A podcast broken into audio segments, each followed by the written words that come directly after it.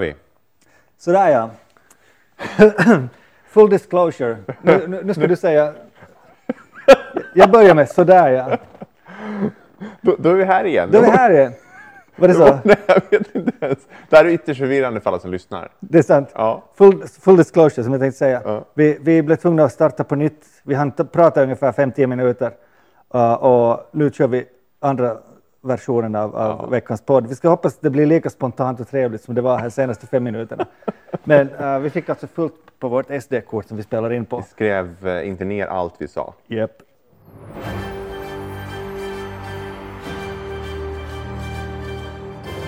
Två nollor för mycket med Peter Törnroth och Janne Ström. Men, sådär ja. Och Mm. så säger du, vi är igång. Vi är igång, det är så jag brukar säga. Just det, vi är igång. Så, nu får du antingen börja med att berätta ditt eh, Notre Dame-minne eller så tar vi och betar av den här valcirkusen. Ja, men ska, vi, fick. ska vi göra ett nytt försök att beta av valcirkusen? Då? Valcirkusen då? Valcirkusen Okej, Men då, som- då kör jag så här va, Ja, om, om du tillåter mig. please. För, det först, för det allra första vill jag tacka från djupet av mitt hjärta alla människor i Finland och utomlands som röstade på Socialdemokratiska partiet i riksdagsvalet 2019. Utan er, i vissa fall lite motsträviga uh, effort, så skulle vi idag ha en regeringssonderare som heter Jussi halla Och jag är väldigt tacksam att det inte gick så. Det var en eh, nästan verbatim eh, inledning som vi inledde förra gången vi försökte. Imponerande faktiskt. Icke desto mindre väldigt sann. För Så är att, det. eh, för att, eh, och de som inte vet det, de som lyssnar på det här som kanske inte bor i Finland, så eh, är, är det ju praxis då att den som blir störst får sondera regering. Han får, han får första ching på att eh, försöka sy ihop en regering och, och välja vem han förhandlar med Ja. i första hand. Och i det här fallet då så blev Socialdemokraterna 0,2 procentenheter större än Sannfinländarnas. 17,7 mot 17,5. Mm. Och- inga jättemarginaler. Vilken jävla rysare det blev där på slutet. Alltså. Ja, Det, eh, då när förhandsrösterna kom klockan 20 så såg det ju väldigt bra ut. ja. Uh, sen sjönk Socialdemokraterna i förhållande, bara, bara sjönk och sjönk och sjönk, medan uh, Sannfinländarna tog eh, gagna, gagna, gagna. Plötsligt låg de lika under en kort tid, men Men har sen vi inte tappade de lärt igen oss ett. någonting om att de, alla de här partierna alltid går skitdåligt i sådana här vallokalsundersökningar? Det är liksom alltid så. Det verkar ju så. Och, och de röster som kom alltså på själva valdagen, Mm. eh, det var en vacker solig dag, Mm. Så människor gick ut och röstade och, och det där tydligen gagnade då högerpopulisterna. Och det var ju också ganska många som röstade. Och får jag nu säga den andra orsaken till varför jag är så oerhört glad att den här 0,2 procentenheter skilde mellan de här och vi fick rubriker utomlands där det stod att Socialdemokraterna vann valet. Ja. Inte att uh, högerextremister vann Finlands val. Nej. Jag tror att det här var det, det största och det mest, mest viktiga som fanns där. Sen, även om de skulle blivit störst, Jussi halla skulle ha fått leda det parti, så skulle han ha fått sonderingsplats. Jag tror att det skulle ha blivit någonting av en sån blockad, vet du, där, Ja. där alla skulle ha sagt så, nej, nej, jag, vet du, ingen skulle våga gå med Nej. som första. Vet du. Vem han än vänder sig till så, så är ingen som sådär, du, jag, säger inte, jag säger inte ja till Nej, jag kan inte ens se vem man skulle vända sig till. Vem ska han säga? Ska vända sig till sina kompisar i Blå framtid? Nej, det fan, de blev utröstade. den hästen är död. Ska vända sig till Centern? Nej, helt de, omöjligt. nej, de tappade tredje, en tredjedel av sitt mandat. Ja. Ska jag rösta i Samlingspartiet? Mm, jag vet inte. Allvarligt talat. Uh, nej, jag ser inte heller det. Ja, och för- resten av partierna kan inte vända sig. Det finns ju inget annat parti som, ja, grymt. Både SFP. Socialdemokraterna och, eh, och eh, Sam, Samlingspartiet sa ju uttryckligen att det här är värdefrågor nu, Ja, också på förhand. ja. Och det var ju de som, som, som gjorde att Sannfinländarna splittrades Mm. för snart två år sedan. Eh, på grund av värdegrunden som Jussi halla företräder. Mm. Han har ju alltså sagt bland annat det, eh, jag har svårt att tänka mig en lägre stående kräldjur än den nordiska socialdemokraten. Mm, fint det. Mm. Ska han sen ringa till Antti Rinne och säga Mm. Ja du, uh, regering kanske? Tillsammans? Det är i och för sig det som är politik. Riktigt skicklig politiker slås ju inte ut av sånt här. Utan det, det, Det det, vänder man ju bara på. Och det här, det här är vad man, vad man nu liksom börjar urskulda honom för att säga att det här är hans ungdomsbloggtext. Ja, såklart. Så- så Ungdomsbloggtext. Det här är ju inte något som partiordförande Niinistö har sagt, Nej, utan, utan ungdomens bloggtexter. Du. du menar hallå nu? Ja, jag menar allvarligt att eh, folk kommer nu att liksom ta, ta in honom under, under eh, i, det finska, liksom, i den finska värmen. Ja. På, på, för nu, nu har det partiet tre val i rad visat att de ligger liksom kring 17-15, äh, förlåt 15 till 20. ja. Jag vet inte vad var det allra första, men, men det där närmare 20 alltså än, än 15. Tre- 13 hade de väl för två val sen va? Ja, vad det så. Men i alla fall en sån här rejäla liksom framsteg. Och nu ökar de ju också helt lite, men i alla fall. Så, så, där. så, så de, de, har nog, de har nog mutat in med sin rasism och, allt, liksom, klimatförnekelse och allt sånt här. Arga människor och, och, och liksom, kriminella människor. och Så här. De har mutat in en, en, liksom, en plats åt sig i det finska uh, folkhemmet, vå- vågar man ju säga. Och, och det verkar som om åtminstone vad ska jag säga, de som nu inte är fullständigt biased åt, åt vänster eller, eller gröna av, av journalisterna är liksom lite nyfikna på och lite benägna att på något sätt normalisera hela den här grejen nu. Man ser det hos, hos de här lite äldre uh, gubbanalytikerna, vad får man väl säga. Så här, det, och Men det är inte, är inte också, jag, kan, jag kan se den eh, önskan. Mm. Att, det, att livet skulle vara enklare om man kunde liksom bara sitta förbi det där. Vi försökte ju normalisera dem en gång Ja. och då splittrades de. I, Ja. Men sen liksom blev de lika stora igen. Det var lite Ja. som att hugga av ett huvud av en hydra. Liksom. Och, och så kom, kommer det ett annat till. Så jag vet inte, vi, vi ligger väl på någon slags normal europeisk nivå för tillfället. Jag tror det. Jag tror SD i Sverige hade i stort sett exakt samma understöd Ja. som Samfinländarna hade nu. Um, Socialdemokraterna är svagare i Finland än vad de är i Sverige. Ja. Men det som eh, vi kanske borde titta framåt med är det här med blockpolitiken. Alltså. Ja. Är, det här, är vi nu på väg mot blockpolitik i Finland, tror du? Ja, alltså ja, alltså det är väl en, det är väl i alla fall en högst rimlig utveckling. Att, att när, när det här partiet då får sina runt 17 procent, säg att de får eh, någonstans mellan säg 15 till 25 procent, säg, att- säg att det är liksom deras potential. Eh, det enda sättet att egentligen mota det på är, för det finns, om det inte finns något annat parti som själva kan få den procenten, Eh, och det liksom, motståndet är just liksom, det finns här borta finns samförländerna och just de här, de är emot allt som liksom är alla andra partier typ är för. Ungefär. Liksom. Aha. De vill gå ut ur EU, de vi ogillar garanterat vaccin, liksom, you name it. Liksom. Eh, jorden är säkert platt på vissa möten. Liksom. Aha. Så då är det svårt att bråka med den sortens. Om rösten, finns det liksom en grupp väljare, typ 20 procent, som tycker att det där låter jävligt fräscht. Det är svårt att liksom nå dem. Så då, hur blir man då större än, än samförländarna? Jo, men då blir man ju bara genom att slå ihop sig med, med andra. Det finns ju Ja. inget annat sätt. Så som det är nu så, så, så har vi alltså bara medelstora partier och sen några små. Och, och, och några som inte alls kom in. Eller många som inte alls kom in. Men jag läste en bra kolumn av Retta Räty som är en sån här smart analytiker. Eh, Jag tänkte säga yngre tjej, men hon är fan i min ålder. Mitt med. Så ganska ung ord. ja, ung, ung och frisk.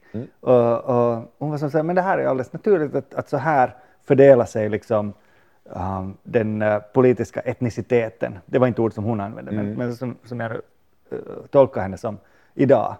Eh, de politiska uh, sentimenterna fördelar sig på det här sättet idag. Vi har inte längre uh, det slags samhälle ur vilket de här tre stora partierna som vanligtvis fanns i Finland existerade. Det samhället är borta och, och det nya reflekterar det nya.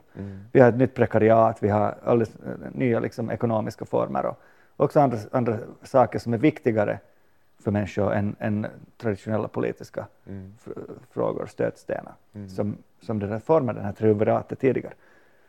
Så kanske eh, lösningen då är om, vi får ju se under, under kommande val och kanske under en generation här ännu, hur det här uh, samfälligheterna kommer att utvecklas. Om de, om de kommer att eh, bli mer liksom moderata eller om de kommer att bli mer extrema eller, eller så här. Och i förhållande till det så tror jag att man måste reagera i så fall genom att slå ihop sig i block inför val. Mm. Åtminstone. Alltså inte, inte som partier att smälta in i varandra. Jag tror inte, jag tror inte på ett trepartisystem eller sådana, utan kanske mer just den här svenska modellen. Mm.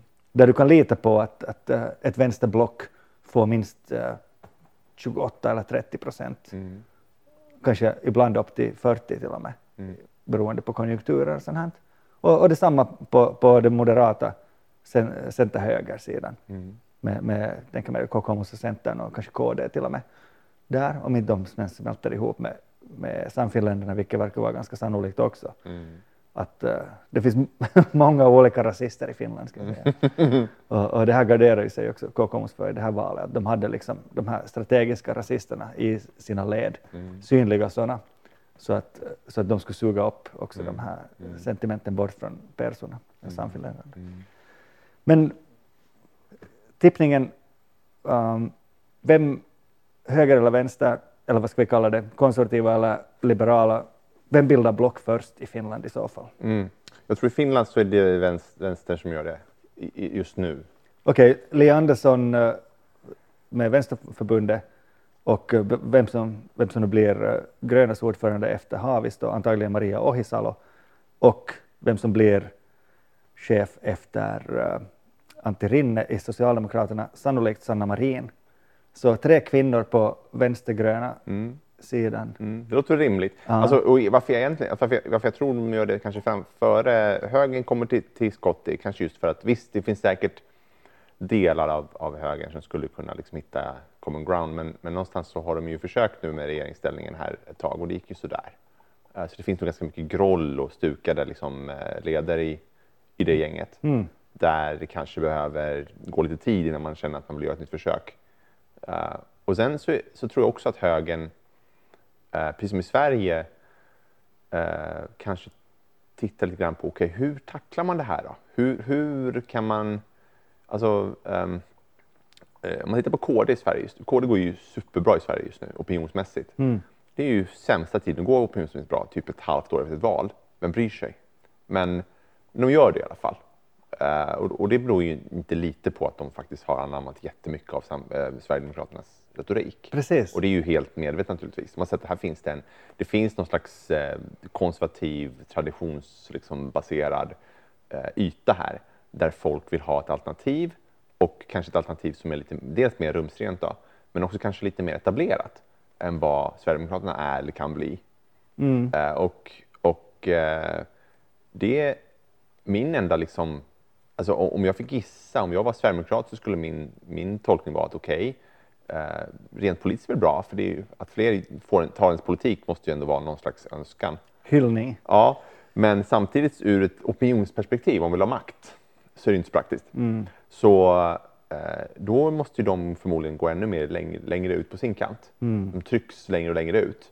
Eh, Moderaterna gjorde ju samma sak nu. De, de gick tillbaka. Det var liksom inte ens, det var så jävla osubtilt så det fanns inte liksom, verkligen elefanten i porslinsbutiken. Bara, vi har en ny logga. Det är samma logga som jag hade innan Reinfeldt. det är sant. De, de tog tillbaka den gamla. ja. Eh, typ så, ja, fast vi, man kan typ sätta olika färger i den. Så typ, fast den är oftast blå som den brukar vara. Så. Ljusblå, ja. Ja. Eh, det var extremt liksom. Vi ska radera vår närhistoria. Det här nya Moderaterna, det var bara skit. Mm. Nu, nu är vi tillbaka back to basic. Liksom. Liksom en New Labour då. Ja. Det fanns en god tid här i något skede med Reinfeldt och Tony Blair. Mm, eller hur? Mm. Ja. Eh, så- du så på att- väg? Ja. Ja, men, nej, så så att jag, jag tänker att, ehm, jag tänker att eh, kalla det för block eller någonting, men att det rör, alltså, jag tror att det kan röra sig mer på, på högerkanten för att det finns mer liksom, Vet du vart det rör sig?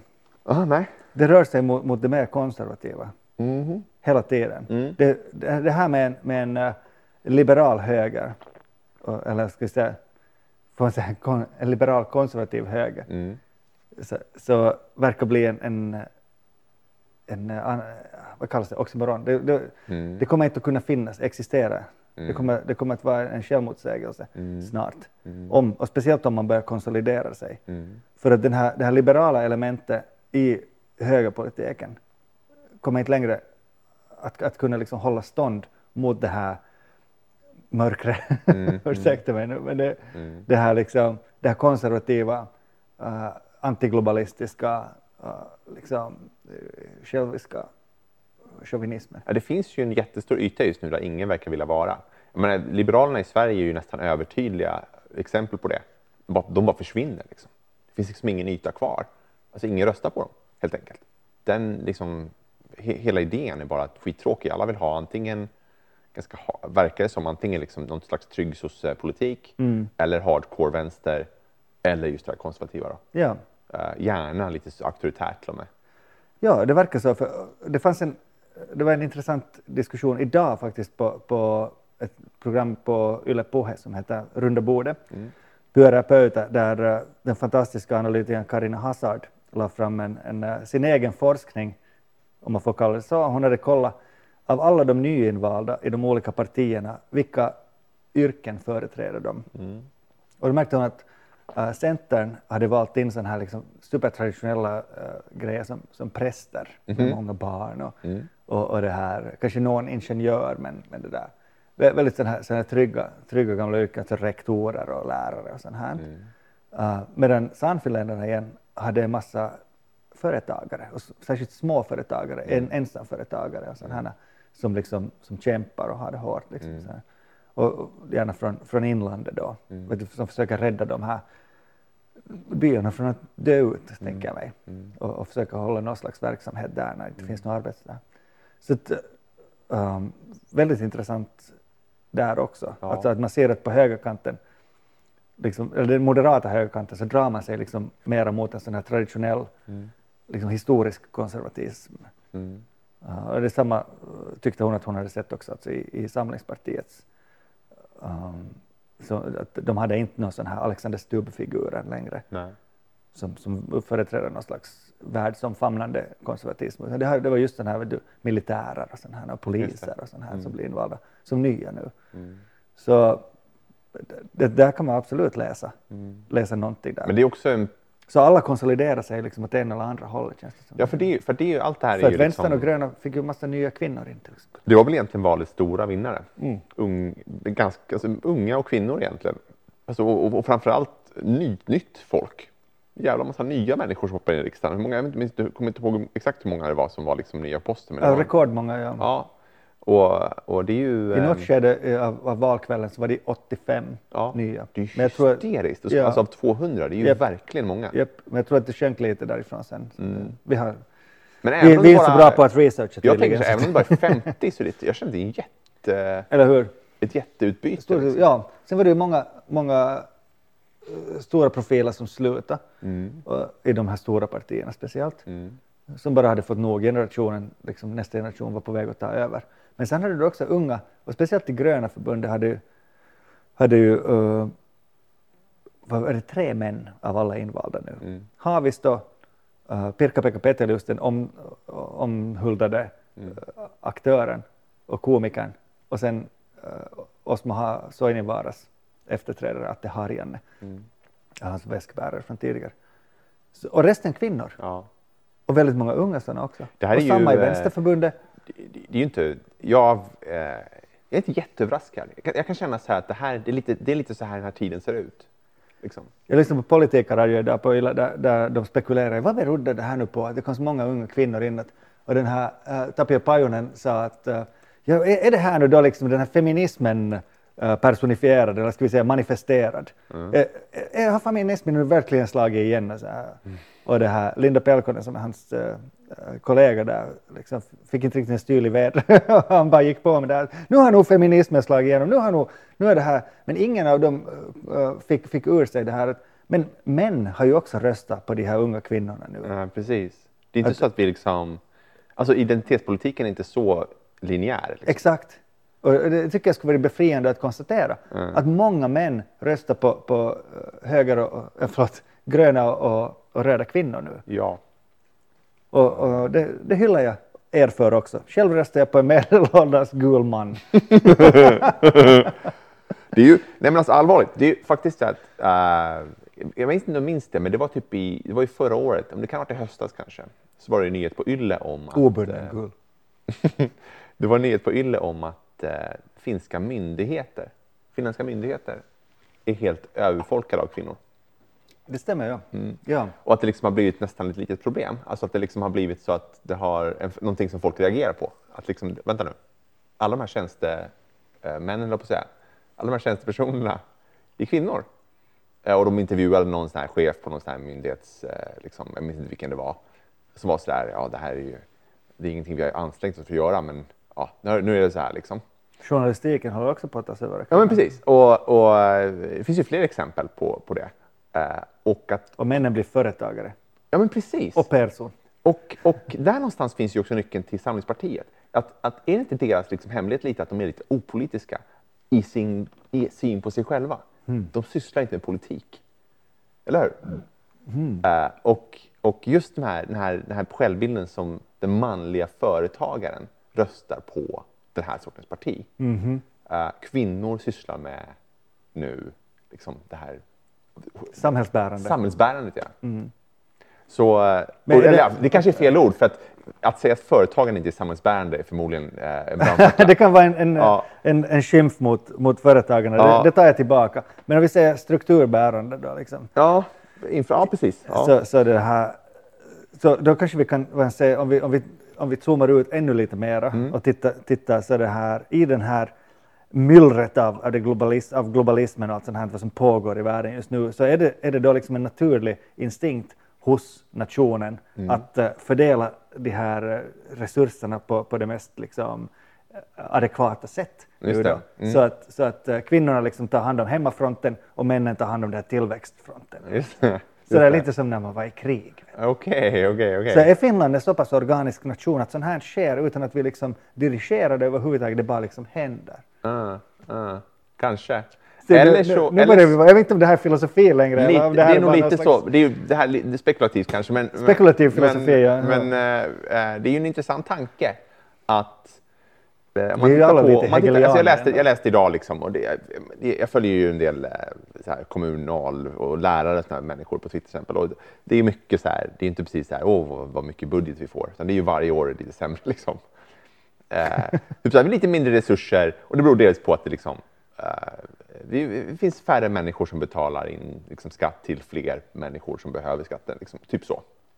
Och eh, eh, någonstans känns det som att liksom, det, det, det per definition gör ju att jobba till exempel som kommunalarbetare, det är mindre och mindre sexigt. Det kan inte vara kul. Det är en sak att ha makt. Men att sitta med liksom ansvar är inte lika roligt. Och plötsligt blir ju ansvaret mycket större när du har mindre att jobba med. Konstigt hur de två sakerna har, har glidit ifrån varandra också. Ja, Makt och ansvar. Alltså. Jo, så, så är det. Jag har en grej på det också som vi Aha. kan prata om sen. Cool. Men, eh, men, men och då kan man ju, om man då är lagd åt det hållet, eh, säga att ja, men det är väl typiskt att kvinnorna går in och liksom, Sopar upp. sopar upp. Ja. Ursäkta mig bara. Men ja. Men du vet, eh, typ så. Men för, för att, för att, några jag, jag kan inte gå på liksom, självklart handlar det också om att, att det är fler och fler kvinnor som utbildar sig bättre. Det är, ju, inget- det är klart att det måste börja märkas i något läge. Jo, jo. Jag, jag ser nog att, eh, att det här är någonting som inte kommer att... att det här var inte en, en eh, engångsföreteelse. Nej.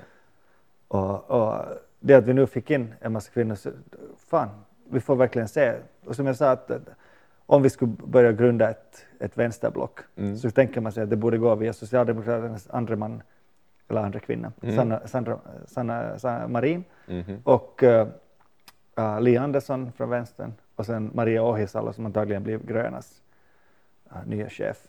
Sen har vi ju uh, Anna, Anna, Anna-Maja Henriksson i SFP. Och sen har du gubbarna på andra sidan. Just det.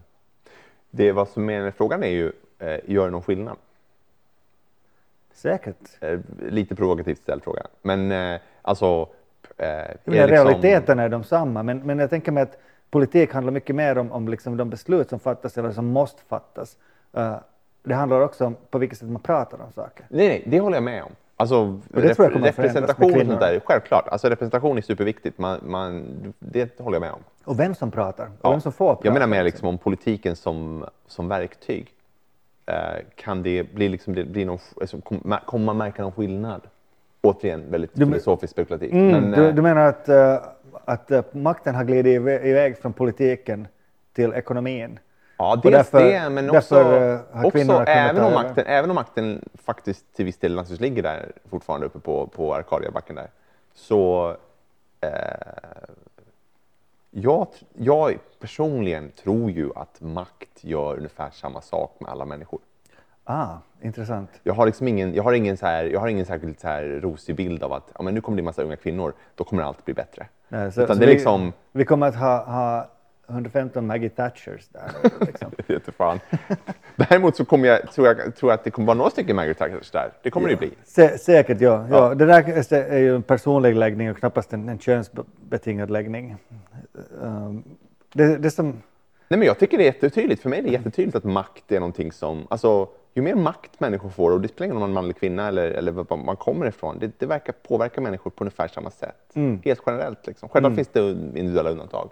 Men jag kan inte tycka att jag har märkt att... Exempel, om jag bara... Återigen, det blir empiri, men någonstans måste man ju börja. Eh, de kvinnor jag har haft som chefer, jag har inte tyckt att de varit radikalt annorlunda än någon manlig chef jag har haft. Nej, precis. Och liksom... Nej. Så bara- det politiska spelet kommer, det kommer likadant ut. Realismen är likadan. Realismen är liksom. densamma. Du hamnar med samma liksom... Så alla de som eh, deltar i att upprätthålla det är bara spelknappar i pjäsen. så Nej, länge man du inte mer eller mindre kompetent. superkarismatisk Hitler av något Man kan vara mer eller liksom. mindre kompetent och man kan vara mer eller Eller mindre Thatcher. korrumperad naturligtvis. Mm. Eh, makt korrumperar. Mm. Du vet, det är ju sen gammalt. Men, eh, men nej, alltså jag, tycker, det, jag, jag Jag, vägrar jag tror vi liksom kommer att få någon se slags... mer human politik i Finland under, under närmaste fyra åren vad vi har sett under fyra tidigare år. Möjligtvis Och då- för att det är ganska många unga som hoppar in. Mycket, ja, på grund av det, Mm. på grund av det, att vi är kvinnor och på grund av uh, Pirkka-Pekka Petelius, att han blir invald. Mhm. Han är en god människa. Han är en sån här, vet du, en kramgod människa. Mm. Och det att han blir invald med övertygande majoritet, eh, eller rösttal, Mhm. Ger mig, det gör mig glad. Mm. Okej, man kan ha sina åsikter om, om att skådespelare och, och andra kändisar och musiker och sådana här ska bli invalda. Mm. Men det här är en liksom genuint god människa och det att så många människor röstar på honom tycker jag liksom ger en fin visning av att fan, det, det är liksom det är nog att, att något sånt håll vi vill, du, till någon slags positiv eh, diskurs Mm. och, och positiv samhällsfeeling överhuvudtaget, liksom, i, i, i den bredaste mening. Mm. Där, där det där. Och därför skulle det vara oerhört viktigt att på något sätt liksom sätta, sätta en, en plugg i käften på, på den här arga partiet. för, för att de, de är så jäkla bra på att stjäla liksom syre från diskussionerna. Mm. Att, att, eh, är det då bäst att sätta dem i någon slags regeringsställning till och med och, och ge dem ansvar och liksom, så att de inte bara kan liksom sitta och, och, och göra liksom PR-kupper från, från oppositionen hela tiden. Eller är det bättre att lägga dem i oppositionen och sen bara liksom köra svinhårt en sån här liksom öppenhets och, och positivitetsagenda och, liksom, och bara liksom verkligen bry sig om hur vi formulerar olika saker när vi går ut i, i offentligheten med dem från Arkadiebacken och så här. Jag kanske är för det senare alternativet. Mm. Jag tror, att, jag tror att vad vi behöver i Finland just nu är liksom mer frisk luft att andas. Du, bort från den här motsättningspolitiken som, som samfinländarna hade gjort till sin, sin uttryckliga valstrategi. Och som sagt, alltså de, de, eh, de satt ju i regeringen. Ja. Och eh, de Men de ändå... satt också med, med, med en teknokrat som, som eh, statsminister som inte har liksom moraliska värderingar före, före det sen liksom blir fullständigt omöjligt. Nu har vi ju ändå en, en, en om vi tror att Antti Rinne blir statsminister så har vi åtminstone en bekännande eh, feminist, Mm. även om han kallar sig för gubbfeminist. I, eh, och, och en som, som, liksom. Ja. som på många, många klumpiga sätt har liksom uttryckt sin, sin liksom vilja av att, att, att stödja någon slags liksom positiv feminism och ungdom och allt sånt här, liksom gröna värden och, och, och solidaritet och allt sånt här. Han, han säger alla de rätta sakerna, lite som en superklumpig Obama liksom. Ja, ja. Och man hör att det finns inte ett genuint ben i hans kropp liksom, för egentligen är han bara en gammal liksom, fackföreningspamp. Men alltså, jag tänker... Alltså, min, Men han min, anstränger sig att vara god. Ja, men, jo, och det finns- behöver vi nu. Ja, ja det, alltså, det finns mening med att anstränga sig och vara god. Men, eh, men min poäng var inte det. Min poäng var att eh, de har suttit i regering och eh, det gick åt helvete. Och de höll på att radera sig själva. Men sen glömde folk det eh, ganska fort. Vilket lite motbevisar tesen att, att man, om man sätter sådana partier i regering så kommer de liksom att diskvalificera sig själva. Ja, det är möjligt att de gör det, men de kommer fortfarande kunna vinna nästa val.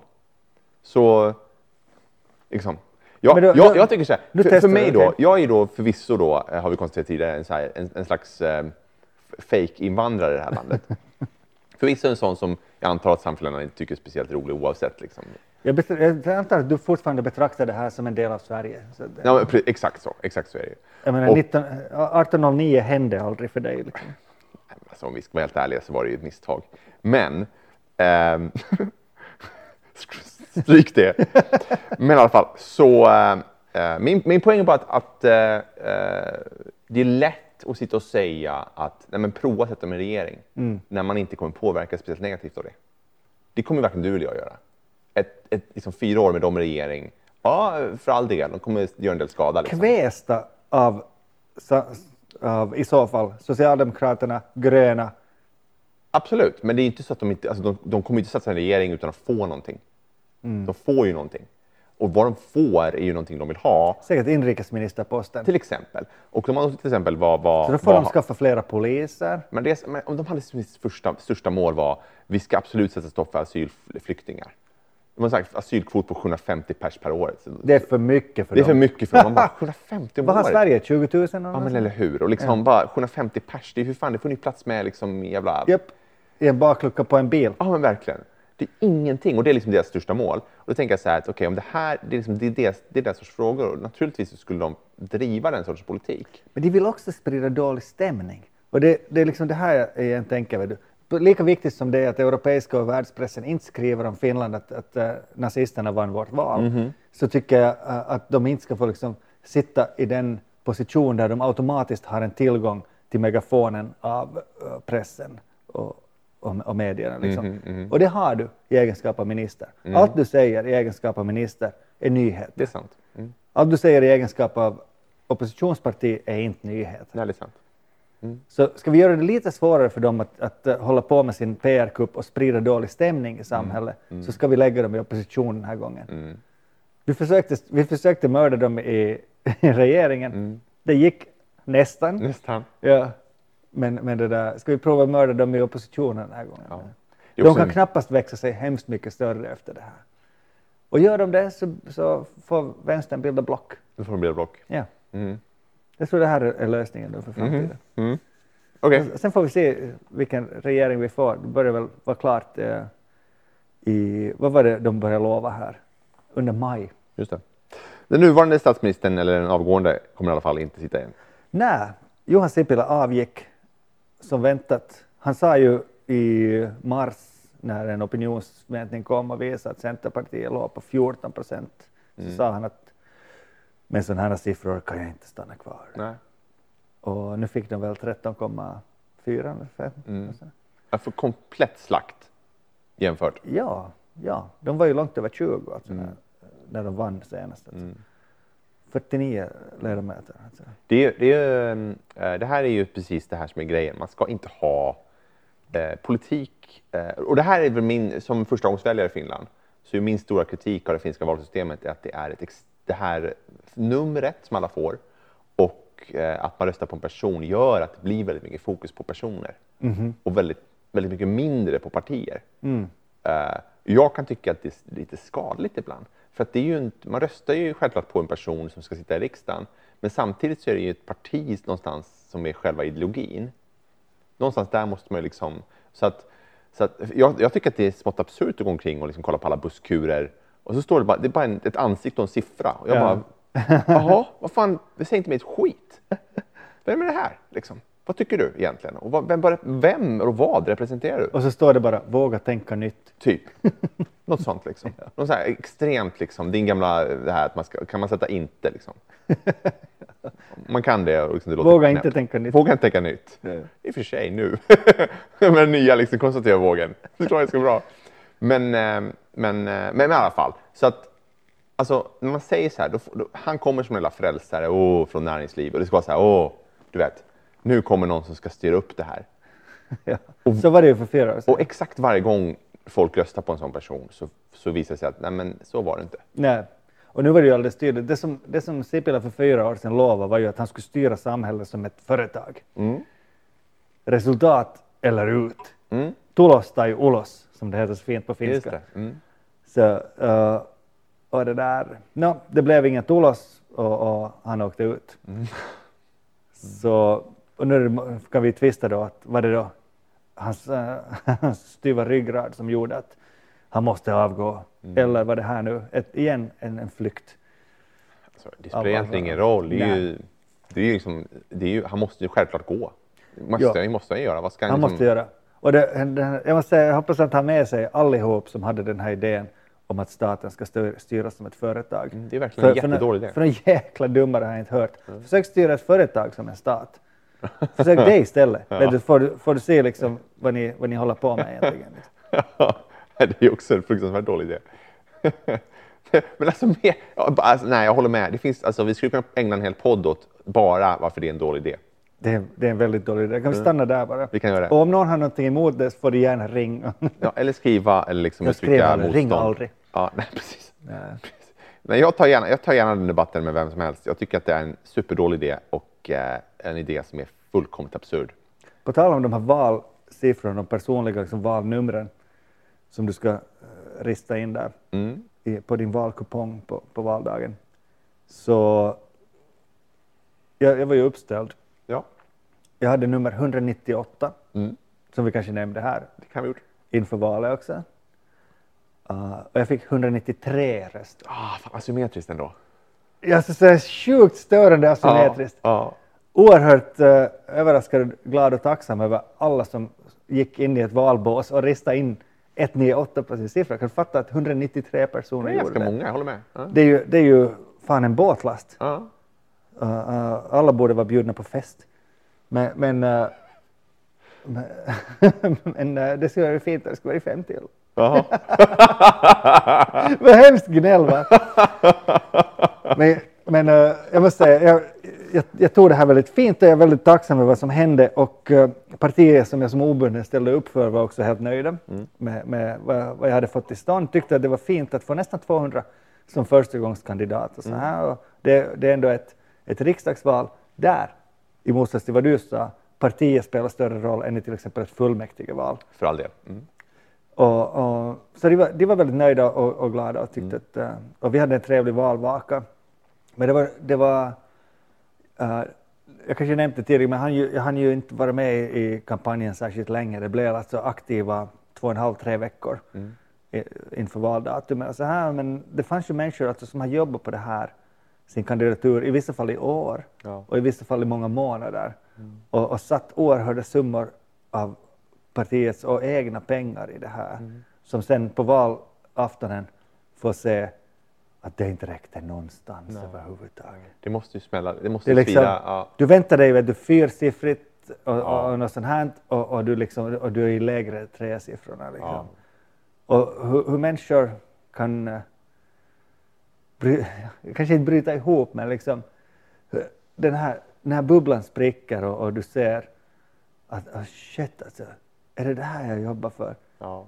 I, i flera månader nu och, liksom, och haft fullständig fokus på, liksom, allt jag har tänkt på är bara liksom att snacka med människor, alla människor blir en potentiell röst omkring dig och, och du liksom partiet underblåser det här, bra, det går bra, vet du, kämpa, kämpa, vet du. Och, och, och, och sen avslöjas det, oh my god, ingen vill intresserad av det här, så jag hade att säga. Det, det påminner lite om en sån här Och, OS, och då, menar jag, OS då vill jag inte eh, förringa den en endaste som har liksom röstat på någon överhuvudtaget, för alla gjorde det av, en, av säkert en god orsak.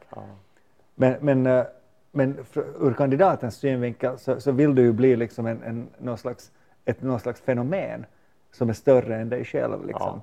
Och, och den här suget som finns i valkampanjen, vad det gör med ens mentalitet är att man faktiskt börjar liksom få så oerhörda illusioner om hur, hur, hur bra det kan gå och liksom hur, hur, hur landet ligger överhuvudtaget. Och sånt här.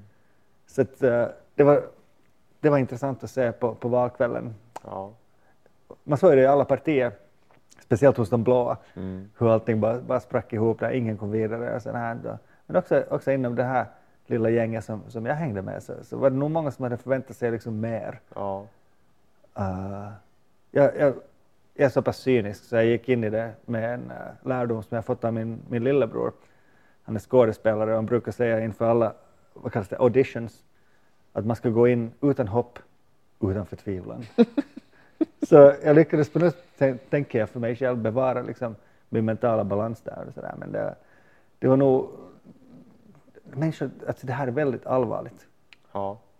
Val, politik, demokrati, väldigt allvarliga saker. Det är klart att det finns folk som tar Och det stora på... pengar. En, ja, det också. Det, det var, jag tänkte faktiskt på det, för jag gjorde Ylles eh, valkompass. Och där redovisas det hur mycket pengar man lägger på sin kampanj. Mhm. Det har jag faktiskt aldrig sett i Sverige motsvarande, att någon, någon visar aktivt. Det, liksom. det är ju något som eh, kandidaten uppger själv. Ja, men fortfarande liksom att, att det är en intressant grej, för det är ju någonstans eh, varför är den... In, den är, jag, jag kände sen när jag såg det var så här, ja, det här var intressant och sen tänkte jag, men varför är det intressant? Vad spelar det egentligen för roll? Alltså, Det säger väl något? att typ, eh, ja men du vet, eh, jag kollade på massa olika kandidater och någon la typ 2000 euro, någon la 40 000 euro. Och man tänker så här, ja det är klart det säger någonting, men vad säger det? För att liksom, Det beror på hur alltså, att du är seriös. jo men det är det jag menar. Eller, eller, eller är det så? Är det så? Ja, är det oseriöst att lägga ser, 2000? titta, titta på min. Där står, uh, hur mycket sätter du? Uh, 1000 till 1500. Mm. Det var liksom bidrag jag fick. så, så uppger jag det. Och det var ungefär vad jag satt då. Mm. Satt allt bidrag jag fick. Och, och sen har du sådana som uppger 40 till 50 000 Ja, från samma parti. ja, Och, och då, då blir det så, fan, den här killen verkar ju mena allvar. Liksom. ja, Och, och jag tror att där finns, eh, det lärde jag mig av det här uh, lagarbetet som vi gjorde, att eh, det finns de som att du har chansen, som tar det på allvar, Ja. och så finns det vi som är med bara för att det är en intressant upplevelse, erfarenhet eller för att hjälpa till och kanske tänka på framtiden, vet du, att kanske det finns någon base att bygga på eller ja. sån här, för många. Det, kan ju vara en, eh, en barometer, alltså att man... man, Men, man, men skillnaden ja. mellan de som är allvarliga på riktigt och de som så att säga bara kollar lite är, i mentalitet är oerhörd. Alltså, och, och, jag tror inte att det handlar om att du väljer det, utan du har det eller så har du inte. Mm. Jag har det inte. Nej. Det, var- det, det såg vi. att, äh, du, måste, du måste vara en sån person som täcks ringa till ett, eller be någon ringa till ett tryckeri och säga att tryck upp en flagga med mitt ansikte på 3,3 gånger 2 meter Ja, som vi ska sätta upp någonstans liksom, och, och, och vaja. Men, ett, och jag, jag, liksom, jag går omkring bland de här människorna där på, på de här valtillställningarna människor går omkring med sina egna flaggor. Och, jag menar, det är klart jag också delar ut små såna flyers och sådär. Ja. Men du trycker upp en flagga på tre gånger två meter med ditt ansikte på och, och någon slags liksom, slogan om en bättre framtid för alla. Ja. Och man bara, du, du har antingen liksom insane eller, eller, liksom, eller, eller så, jag, jag vet inte. Det, finns, jag, jag vet, Det- det så, kändes pratade om det förra gången vi var här, men, men, men eh, det var ju, jag tänkte på det, för det är naturligtvis veckorna nu innan valet så har det ju stått folk på gatan och delat ut sina flyers. Eh, Och ibland har de med sig en flagga. Eh, men det som är väldigt uppenbart för mig är att vissa, vissa har inte den där, um, just den där uh, modet eller, något, eller vad det nu är de saknar. Tunnelvisionen, rakt mot att, makten. Att liksom. bara, jag står här för att informera dig om att du ska rösta på mig. Det är vår deal. Istället har de liksom, ursäkta, är du intresserad av lite information? Mhm. Lite som tiggarna som sitter på gatan och typ säljer eh, eh, Blommor alltså. Ja. Ja, men, eller, eller de här tidningarna, eh, Isonumero eller eh, alltså Big Issue. Big issue, ja. Och, och, och sådär. Liksom det att be om ursäkt att jag står i vägen för dig nu. Eh, vilket, en, vilket jag har väldigt stor respekt för att tiggare gör, för att det måste vara självkänsla bomb att vara en tiggare. Men lite samma vibb från vissa politiker. Att fan, nej, du kommer inte vinna det här för du ber om ursäkt. Du ber exakt. om ursäkt för att du står där. Japp. Noll röster. Men vad handlar det om? Likability, är det det som är? Är det det som det handlar om? Alltså? Jag tror entitlement. Tror du inte det? Om vi, om vi använder engelska ord. Ja, vad, är, alltså- vad är motsvarande svenska? Entitlement, privilegiering eller något sånt Ja, men där? liksom, Man känner alltså, sig att man har känslan- rätt till någonting. Ja, men precis. Alltså känslan att, att, att, kanske fel ord, men känslan av att jag har... Det här tillhör mig. Det här tillhör mig. Och jag har rätt att vara här. Och Mm. självklart ska ni rösta på mig. Och där tror jag att linjen går, just alltså, gränsen mellan de kandidater som känner det, Mm. att det här är mitt öde, det här är min grej. Mike Pence till exempel, Kalle Haglund, Ja. alla sådana här som hela sitt liv har liksom sagt åt alla som bara orkar lyssna, jag kommer att bli president i det ena eller det andra landet. Liksom. Eller rösta på mig, vet du, jag har lösningarna på allt det här. Och så här. Någon slags Jag, liksom, eh, självförsäljare. Jag lyssnade på en intervju med eh, eh, Nyamko Sabuni. Eh, hon är ju eh, folkpartist, på säga, liberal eh, i Sverige. Och eh, hon var integrationsminister typ 2005 eller något, 10 eller någonting sånt där i en blå regering. Då. Eh, och nu när eh, Jan Björklund ska avgå så ska det ju väljas en ny eh, partiledare till hösten och hon då ställer upp till val. Och det var jätteintressant att lyssna på henne för att just det här liksom, hur hon nästan blev lite förnärmad över det upplevs som att hon nästan tycker att det är lite, lite konstigt att, att bli ifrågasatt. Varför skulle hon inte bli? Alltså inte så hon, hon har en viss stråk av ödmjukhet i den meningen att hon ändå talar väl om sina motkandidater, Erik Ullenhag då i det här fallet till exempel då som, som också ställer upp och Men ser sig själv som utvald ser sig själv som utvalda och liksom tycker att det är alldeles givet att självklart kommer jag klara det här jobbet, det är väl inga problem. Mhm. Eh, jag är en jättebra ledare liksom, och det här blir skitbra.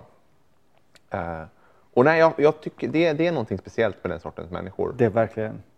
Det, och det sa en uh, samlingspartistisk legend, Ilkka Kanerva, då, då när de här uh, första sannfinländska originalen kom till Arkadiebacken för första gången och liksom uh, snubblade på trapporna och liksom stod och himlade sig över och liksom, "Hö, vad är det här? Vet du, och. Och, och han, liksom, han gick och skakade hand med dem, vet du, och sådär, välkommen, välkommen, och så frågade folk liksom, varför är du så liksom vänskaplig med alla de här liksom udda elementen som nu invaderar riksdagen. Och han var som sådär att alla som blir invalda i riksdagen är särskilda, eh, väldigt speciella människor. Som, som har vet du, någonting som gör att tusentals människor vet du, Ja. vill se dem där. Att det, det är inte liksom, Vad- du, du kommer inte in av en Har vi slump. siffror på det? Vem är den lägst röstade riksdagskandidaten? Den som har fått fe- liksom minst... Det är- Jag, jag höll på att säga använda ordet färskt här. Aha. Finns det ordet ens? Men det är minst. Ja. Mm. Vem har fått färst röster? Mm. Um, det är en bra fråga, men jag gissar att, att eh, gränsen uh, går, går någonstans eh, knappast under 2000. Alltså. Undrar hur stor hierarki det är i riksdagen på just det? Hur mycket koll har på varandra? Även som för det mest personliga, så Ja, ja. helt säkert har de stenkoll. Mm. Helt säkert, helt säkert, ja, Jussi halla är ju kung nu då. Han är det va? Ja, Li Andersson på andra plats. Hon är på andra plats? Ja.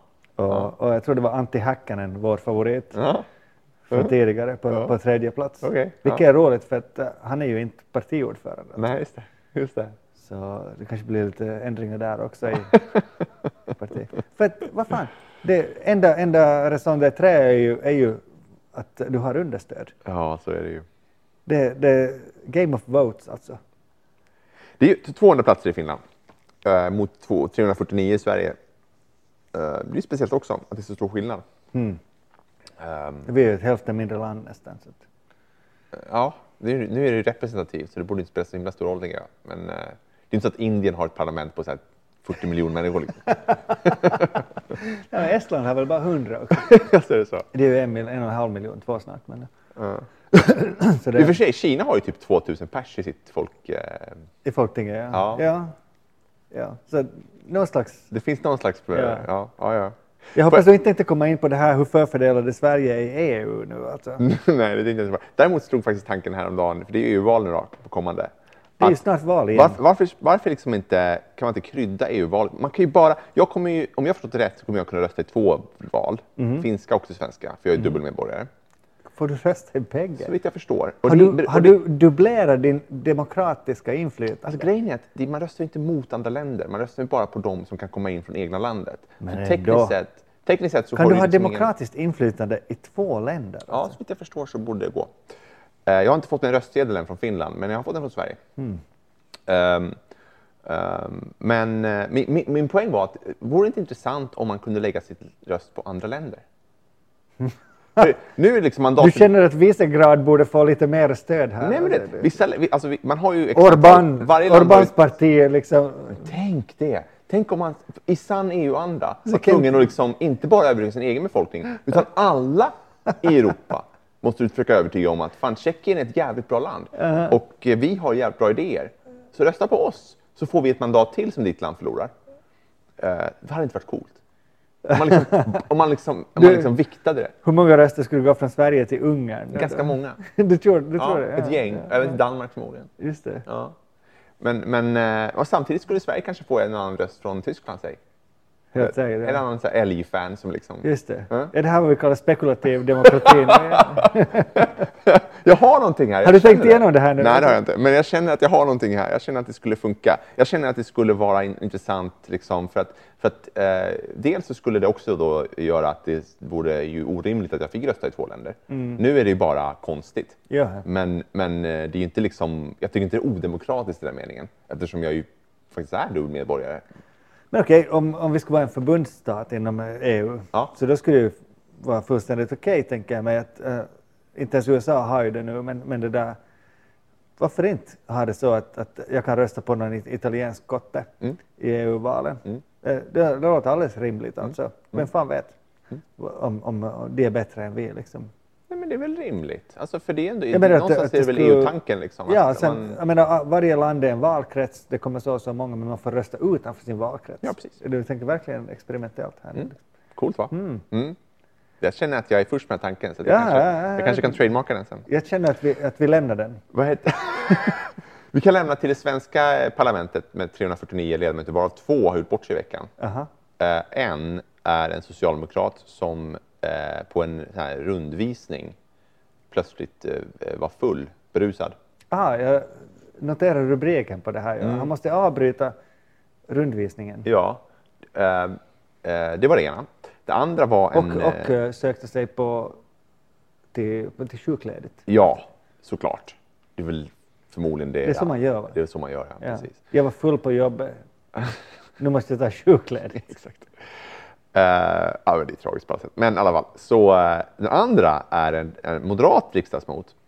Uh, som, som, uh, jag, jag har inte namnet på sossen faktiskt, som var full. De, de la inte ut det, de skyddade honom av något skäl. Eh, men den här moderaten däremot, Erik Bengtsboe, har lyckats kräma till sig 158 000 kronor i extra bidrag för hur han har skrivit sig.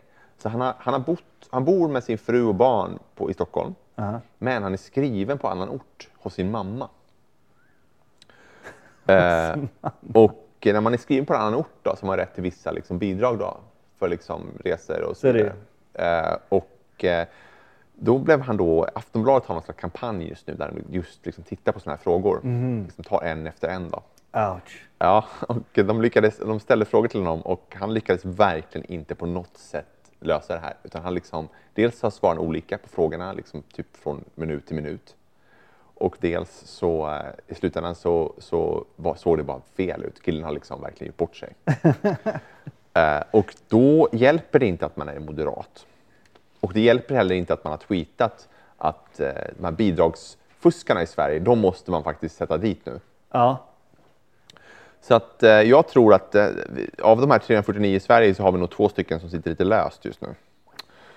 Eh, Det kommer Men- inte att rubba någonting eller? vem vet. Men till deras, eh, jag vet inte om det är just den här, den här, den här jag vet inte hur mycket det räddar dem egentligen, men det hände samma dag som Notre Dame brann. Ah, Vilket ju var, ur deras perspektiv förmodligen trots allt ganska bra. sant. Mm. Det var faktiskt någonting som förband människor för en gångs skull på ett sån här... Någon skrev att, eh, är det så här det känns att vara europé? Oj, vad vackert. Eller hur? Jag kunde inte sagt det bättre. Eller hur? Det är just så här det känns att vara europé. Ja. Skiten brinner och sen liksom står man och sörjer den. Fan, du tog det lite längre, men jag tycker det fortfarande var fint. Ja, ja, ja, absolut. Ja. Ja, eh, det var därför jag frågade dig kanske här, tidigare, att liksom, "Nå, Peter, vad är ditt Notre Dame-minne? För att vi har ju fått ta del av människors Notre Dame-minnen på med här nu. Jag tillhör ju då den eh, tyska sfären i min eh, mentala... Säger han med, med en lakonisk röst. Det här franska sidan av Europa är ju inget som tillhör mig. det Det, det roliga är att eh, jag har faktiskt inte varit i Notre Dame, jag har inte varit i Paris ens. Eh, vilket, Jaså. som den sista människan på jorden. Så, att, så att jag, jag har varit i Strasbourg, Val Thorens och det är de franska ställen jag har varit i. Strasbourg, Det var fint också, men de har ingen katedral av Notre Dames... det är eh, i stort sett Tyskland liksom. Det, det roliga är att eh, min syster bodde där, var därför jag var där. Min syster bodde där ett tag och plugga- pluggade och Strasbourg ligger ju så nära gränsen, det ligger ju i Alsace då.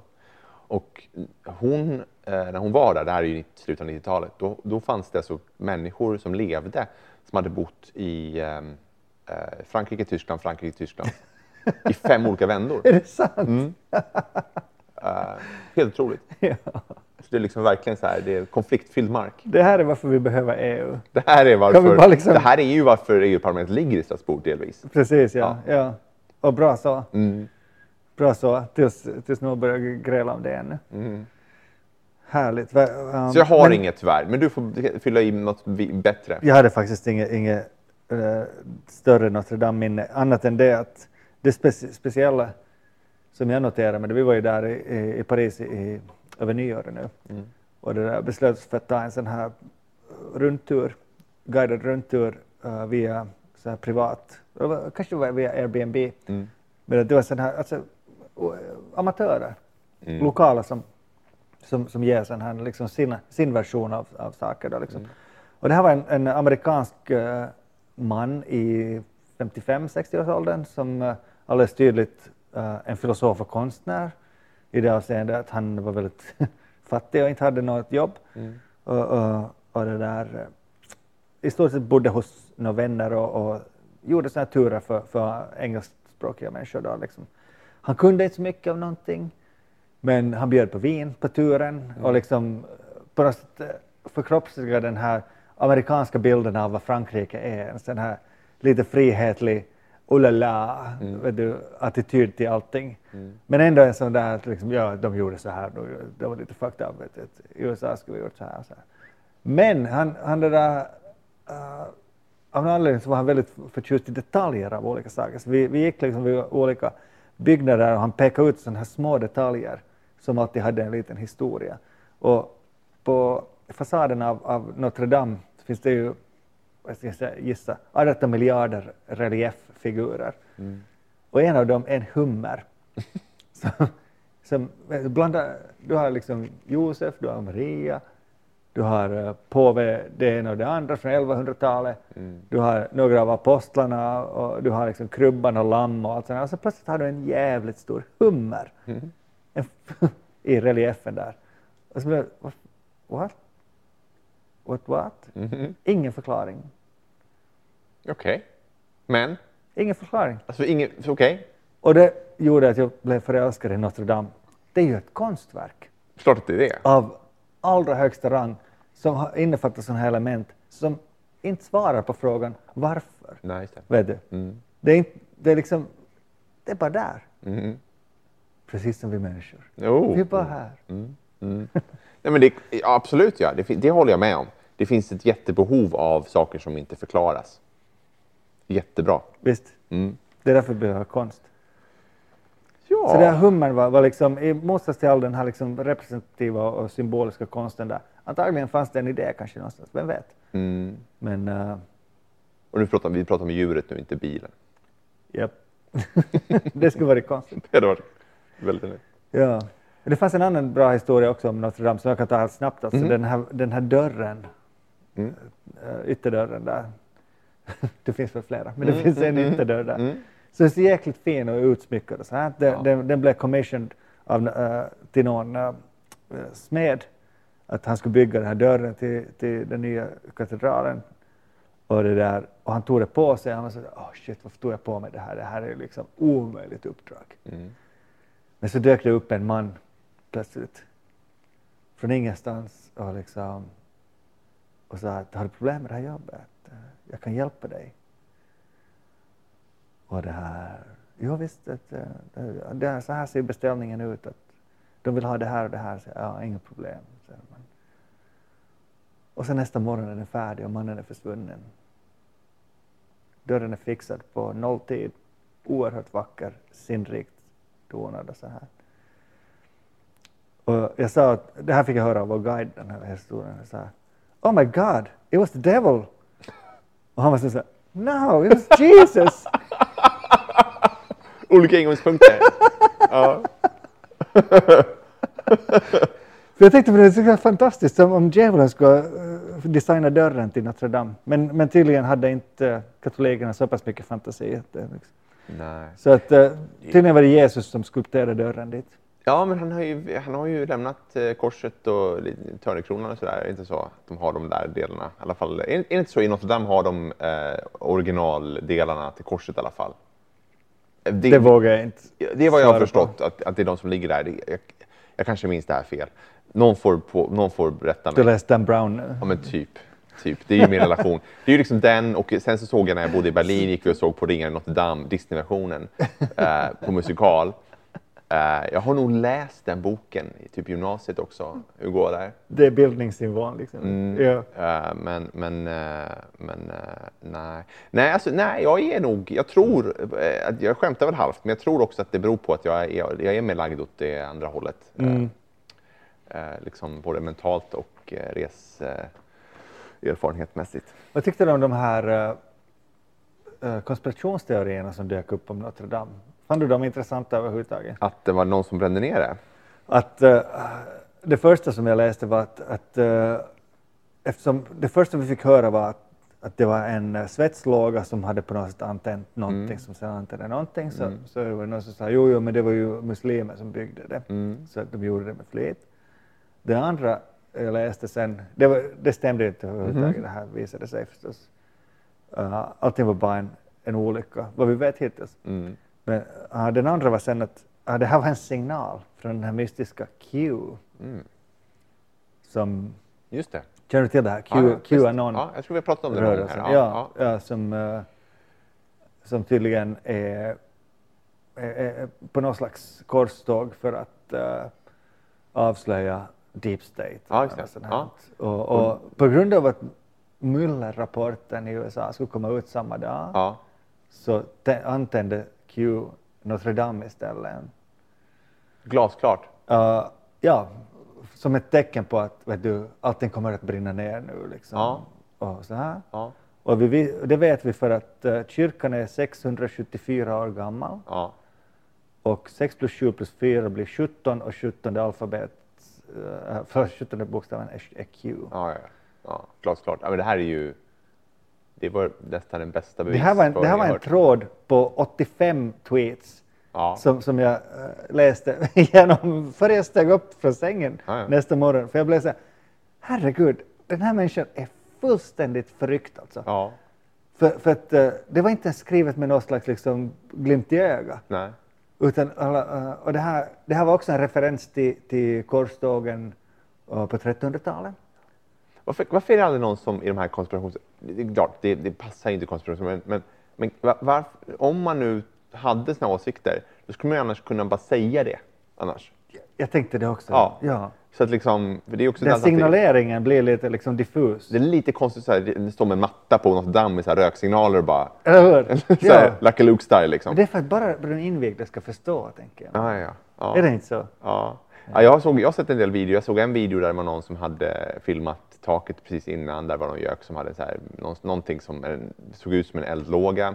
Eh, jag har sett eh, bilder från helt andra platser där de har stått med så här, och, och eh, muslimer då självklart har stått och typ eh, vält kors ner från en kyrka. Japp, japp, japp. Eh, jag har sett allt möjligt. Sånt som de gör hela tiden. Ja. Nu vet jag inte om det finns det någon, det är väl inte klarlagt vad som hände. Jag har inte läst någonting som faktiskt eh, Nej, man de utreder det. Alltså, men jag tänker så här, ibland brinner ju saker. Det händer ju. det är sant, magasinerna gjorde det Ja, också. till exempel. Ja. Eh, och och eh, nu, var det ju, nu läste jag att ehm, det var ju en moské, en, ganska, en väldigt stor moské i eh, Jerusalem som brann samma natt.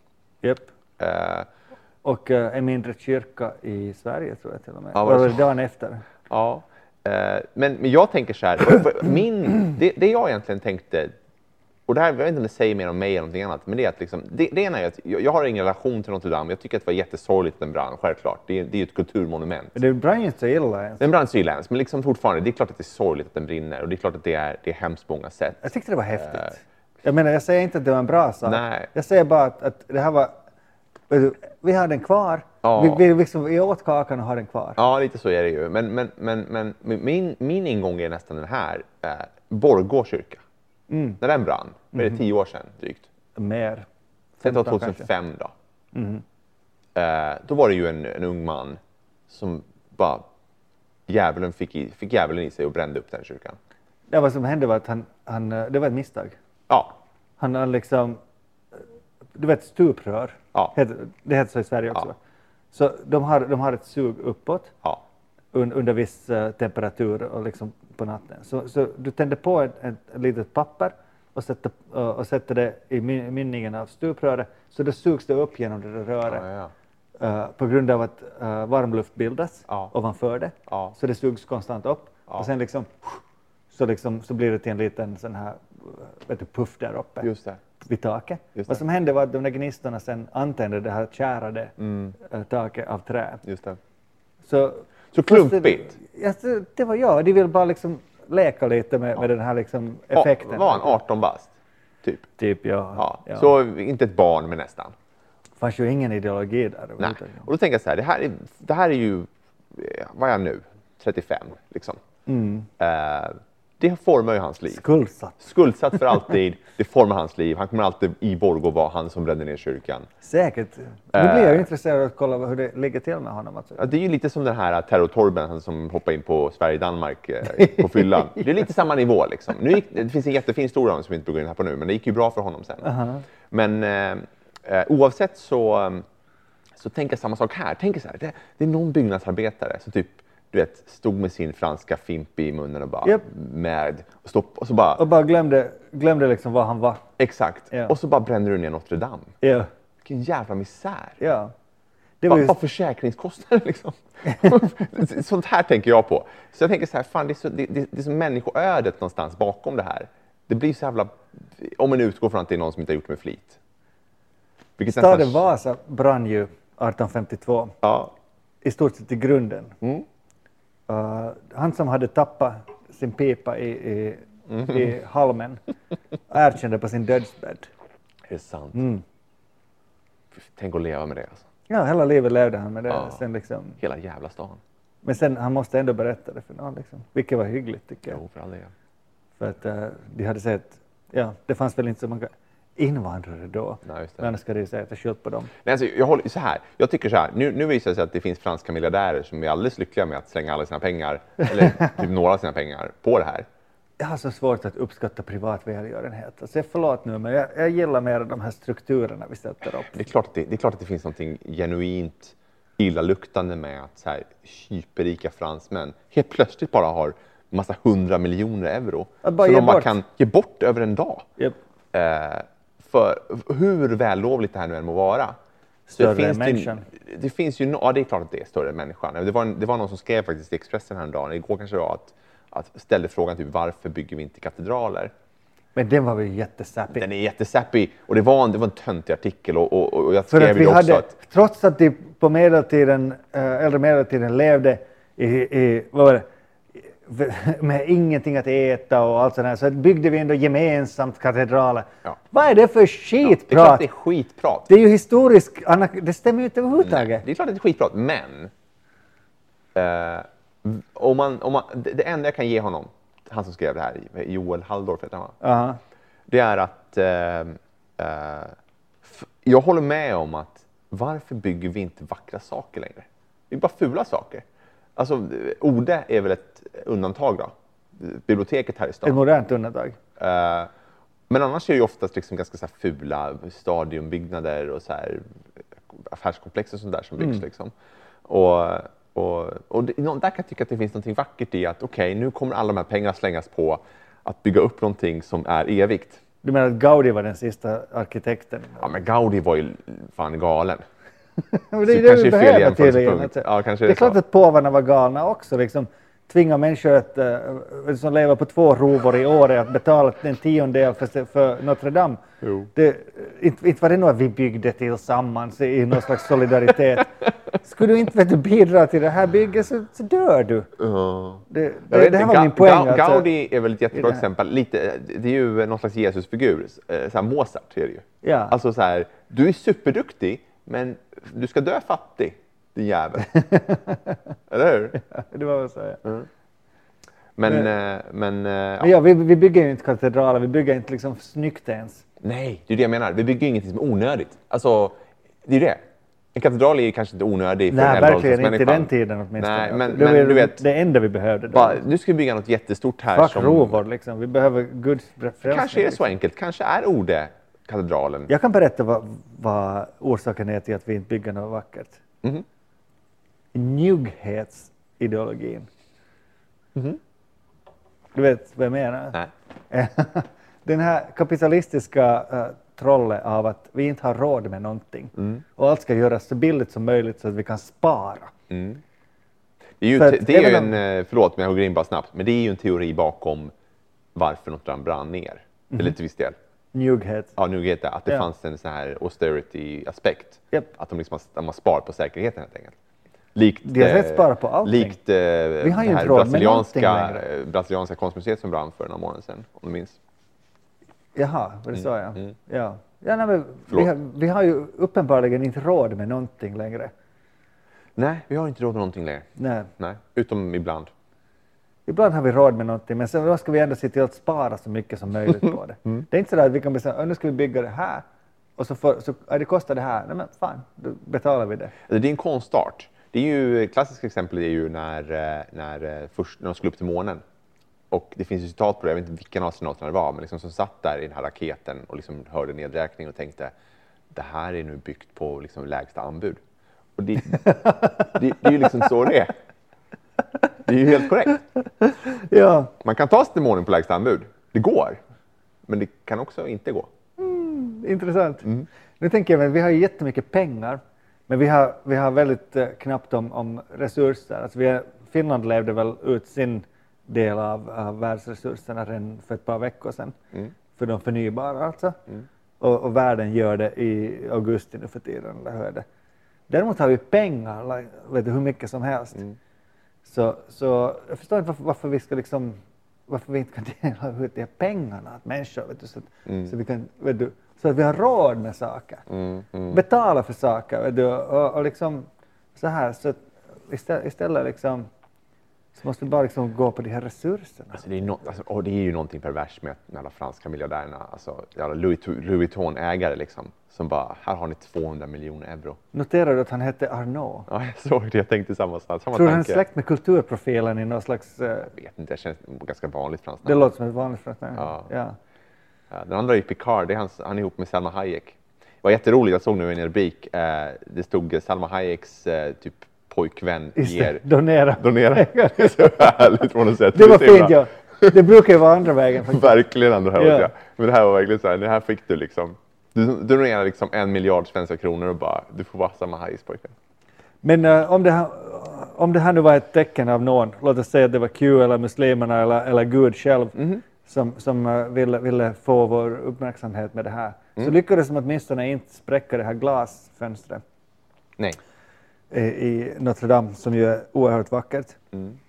Så misslyckad, misslyckad kupp kan man väl nästan säga av, av de här eh, konspiratoriska krafterna. Ja, det är klart att det kan ju mycket väl vara så att om 100 år kommer folk minnas det här datumet, 15 april 2019. Vadå? Min Något- 45-årsdag. Ja, men du vet. Ja, men hej, grattis i efterskott, Mm. återigen. Och eh, eh, minnas den här dagen och säga liksom att eh, ja, men det var då Notre Dame fick sitt stora uppsving igen.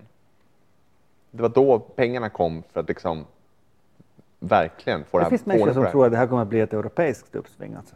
Det tror inte jag. Jag tror, jag tror alltså så, så jävla... Det, det här är inte en Dan Brown... Så jävla naiv är du inte. ja, men det, det här är, det är ingen jävla Dan Brown-novell det här. Det är liksom inte... Han skriver inga noveller naturligtvis. Det var en bra bok den här äh, vet du, Da Vinci-gården. Det var inget fel på den. Ja, det, det Där var, fick jag sagt det. Mm. Och det här, det, här, det var liksom, det finns de som har det värre. Kommer du ihåg de här buddha-statyerna som talibanerna sprängde?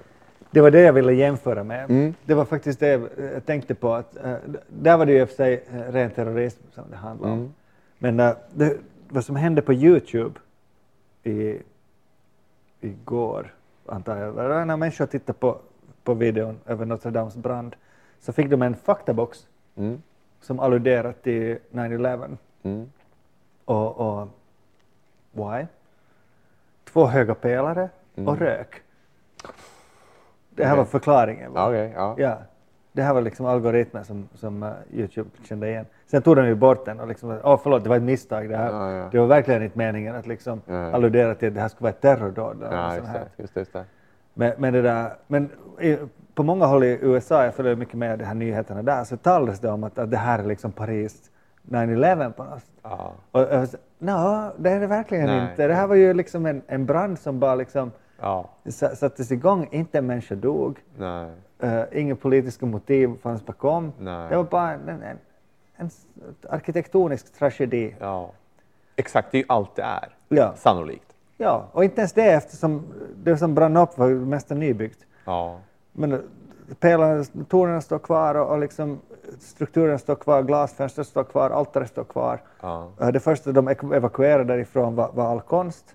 Ja. Och redan tidigare ha- hade de här eh, statyerna på uh, lärjungarna flyttats bort därifrån. Så i stort sett allting intakt. Plus att vi har en, en eh, fullständig digital 3D-modell för hur allting såg ut i fjol.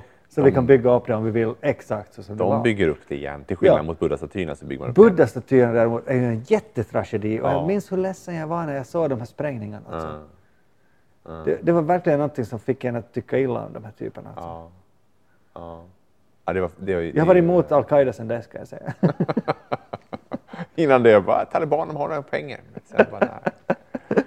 Nu får det vara nog. Det är inga poänger.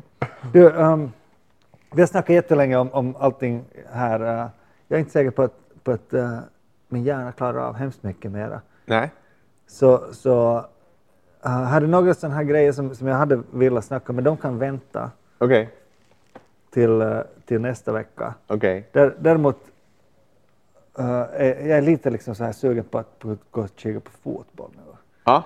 För att klockan börjar närma sig 21.45 Ja. på en onsdag Ja. och det betyder Champions League. Ja, ja, ja. Det, är, det händer saker där också. Mm. Jag ska kolla på, på eh, vad heter det, mm, eh, Juventus Ajax igår Ja. och njöt i fulla drag av detta unga Ajax som eh, tog ut detta eh, ganska osympatiska Juventus. Eh, det var fint. ja. Mm. Jag snackade om det här med en god vän idag och han sa att Ajax har alltid en 18-åring som är världsbäst. Ja. Men de åren de har fem sådana så vinner de Champions League. Ja. ja. ja men så är det lite Och det här, så. när var det senast? 92 eller sådär? 95 Just med, med Littman i laget. Ja. Ja. Så ja, inte alls omöjligt. Nej. Lite intressant att du har fyra brittiska lag, Ja. eller engelska lag, Ja. i, i topp åtta. Ja. Och nu får vi se, efter idag så lär uh, antingen Manchester Idag City eller. Tottenham Ja. åka ut. Ja. Liverpool fortsätter, Ja. United åkte ut igår. Ja. Så två är kvar. ja. Du kan fortfarande få i final. Ja. Mm. Vad, vad tror du om finalplatsen i Champions League? Eh, om, jag fick, om jag skulle sätta pengar skulle jag nog sätta ändå på Barcelona, Manchester City. Det var jag sätta. Det låter som ett eh, ganska safe bet. Ja, det är ett väldigt safe bet. Ett tråkigt bet. Men sån är jag. Ja, men så länge Tottenham inte går vidare är jag glad. Ja. Ja. Så vi, vi har ju det att se ja. fram emot. Och det finns anledning att vara glad. Det är vår, det är påsk. Ja. man är inte Jesus, Julian Assange eller Perus för detta president. Ja, är det här någonting vi borde beta av ännu? Ja, vi, nej, vi kan bara kort nämna att han sköt sig själv i huvudet. Den sista nämnde alltså. Just det. Eh, när Peruanska han, presidenten Ja. var på väg att hämtas uh, inför rätta för korruption För korruption, ja. Och Eh, valde att eh, dra sina egna slutsatser så att Ja, säga. ja. Sköt sig själv i huvudet. Ja, L- lite harakiri där va? väldigt harakiri. Ja. Ja. Mm. Och som vi noterar här så Peru och Japan hade ju en politisk koppling här ja, i och med Fujimori, precis. deras tidigare president. Precis. Han var president. Det är en kille vars eh, biografi jag vill läsa. Alltså. Tio år var han president. Ja. Mm. Vad, vad är kopplingen där liksom? Japan och Peru liksom? Bra fråga. Kanske ingen. Kanske ingen. Men äh, ja, om, om, är, vi, är vi färdiga att dra punkt här? Vi drar streck. Och sätter streck och Så var det man punkt, gör. Tänk att vi har haft den här podden i 72 avsnitt. Jag har fortfarande inte lärt mig det här. dra punkt och sätter streck. Ja. Mm, mm. Så um, då, då, förlåt, jag, försöker arrangera eh, liksom, en high note här på slutet. Mm. Uh, kan du fråga mig huruvida jag, Jesus, har några planer för påsken? Du Jesus, Har du några planer för påsken? Nej, inget spikat. Två pappor för mycket. Säg tack för idag. Ja, tills nästa gång. Tack så mycket. Ciao.